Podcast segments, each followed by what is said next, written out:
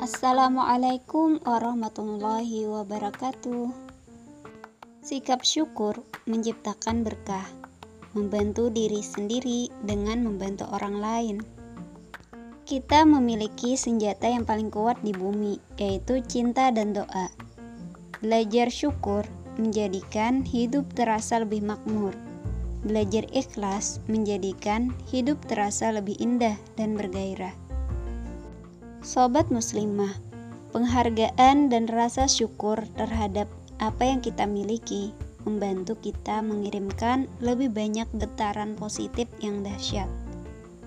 Ketika kita menghargai anugerah Allah yang kita terima, seperti melihat pekerjaan saat ini, sesungguhnya kita telah memancarkan getaran positif yang dapat melahirkan kebahagiaan yang murni. Seorang komposer pianis dunia Arthur Rubinstein mengatakan, "Tentu tidak ada formula sukses kecuali menerima hidup secara tak bersyarat dan segala sesuatu yang didatangkannya." Sobat muslimah, menerima hidup secara tak bersyarat artinya dapat mensyukuri segala yang diterima dalam kehidupan meluangkan waktu untuk menghargai dan mensyukuri anugerah Allah Subhanahu wa taala setiap hari. Berarti dengan sadar kita telah memancarkan getaran positif yang kuat dan memenuhi hati dengan perasaan syukur yang nikmat. Manusia diperintahkan oleh Allah Subhanahu wa taala untuk senantiasa bersyukur atas nikmat dan rezeki yang diperolehnya.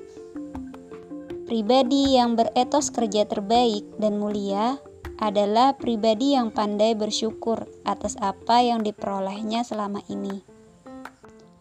Nah, dalam dunia kerja dan bisnis misalnya, aplikasi dari rasa syukur diwujudkan dalam beberapa sikap berikut. Pertama, sikap rendah hati. Pribadi yang tetap memiliki sikap rendah hati meskipun mungkin dirinya memiliki kelebihan dan keunggulan, seperti pendidikan tinggi, jabatan yang tinggi, atau keunggulan lain.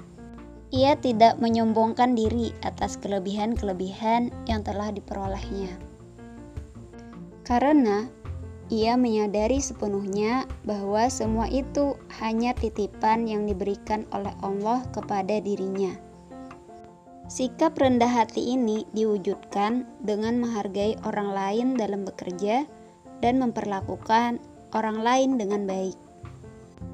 Kedua, tidak melalaikan ibadah. Aplikasi rasa syukur dalam dimensi spiritual adalah meskipun seseorang disibukkan oleh berbagai kesibukan aktivitas profesionalnya, ia tidak pernah melalaikan menunaikan kewajiban menjalankan ibadah yang telah diperintahkan oleh Allah. Karena ia menyadari semua aktivitas baik dalam pekerjaan dan kehidupannya hanyalah untuk mencari ridho Allah semata. Pekerjaan dan semua aktivitas profesionalnya adalah bentuk pengabdian dirinya kepada Allah Subhanahu wa taala semata. Ketiga, berorientasi manfaat kebaikan.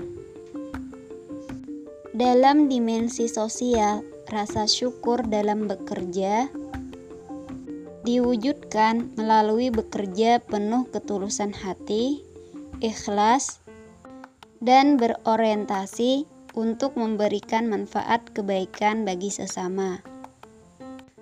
Mereka merasa bahagia dalam memberikan pelayanan, memiliki kesediaan hati membantu orang lain, dan dalam bekerja berorientasi memberikan manfaat kebaikan bagi sesama. Sobat Muslimah, dengan membiasakan bersyukur, kita akan menjadi orang yang berpikir besar dan berjiwa besar. Berpikir besar dan berjiwa besar adalah pilihan yang harus dimiliki oleh manusia di atas rata-rata. kita percaya dalam berpikir besar di dalam hidup, kita akan selalu melihat peluang daripada masalah-masalah. Sementara jika kita berjiwa besar, maka kita akan bahagia dan berada di jalan-jalan kemuliaan. Berikut sobat muslimah untuk melatih agar kita memiliki pikiran besar dan jiwa besar. Pertama, pikirkan solusi bukan masalah. Setiap masalah selalu punya solusi. Yang jadi soal dalam menghadapi masalah adalah karena kita hanya berfokus pada masalah itu, bukan pada solusinya. Padahal Allah telah berjanji bahwa Dia tidak akan membebani seseorang kecuali sesuai dengan kadar kemampuannya. Kedua, berpikir dengan rumus IPB. Ini pasti berlalu. Jika kita mempraktekkan resep ini pasti berlalu, kita akan menemukan ketenangan dan senyuman dalam hidup kesadaran kita akan bangkit bahwa kesulitan tidak pernah abadi. Ketiga, berpikir positif. Awalnya, untuk melakukan, kita perlu memaksakan diri. Berpikir positif adalah perilaku orang-orang yang beriman kuat. Mereka sadar dan percaya bahwa apa pun yang terjadi dalam hidup anugerah yang harus kita syukuri. Keempat, memiliki bahasa tubuh yang positif. Tak sedikit dari kita masih kurang percaya bahwa bahasa tubuh bisa berdampak langsung kepada orang lain. Saya menyarankan untuk menjaga bahasa tubuh kita ketika bertemu dengan banyak orang.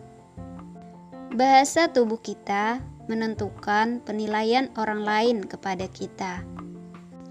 Kelima, hindari ucapan negatif. Kata-kata yang kita keluarkan tidak mencapai 5% dari yang kita pikirkan. Dalam otak kita banyak pikiran-pikiran negatif yang tidak kita ucapkan. Kita tahan dan hanya menunggu keadaan sehingga pikiran itu diucapkan. Keenam, milikilah mentor kita. Hal itu akan mempermudah kita mencapai kesuksesan. Kita bisa belajar dari pengalamannya. Kita pun bisa belajar dari kesalahan orang lain agar kita tidak mengalaminya. Ketujuh, afirmasi, dan syukur. Berpikir dan berjiwa besar adalah mukjizat untuk menjadi manusia di atas rata-rata. Mereka yang berhasil berpikir demikian akan lebih mudah menjalani kehidupan. Saatnya kita berdiri dan membuka lebar tangan kita sambil mengatakan, "Saya ikhlas." Saya berpikir positif. Saya adalah spesial. Saya adalah juara. Saya pasti bisa. Sobat muslimah, menghidupkan rasa syukur terhadap apa yang kita peroleh dapat dilakukan dengan merasa berkecukupan atau memiliki kepuasan hati atau sikap kona'ah.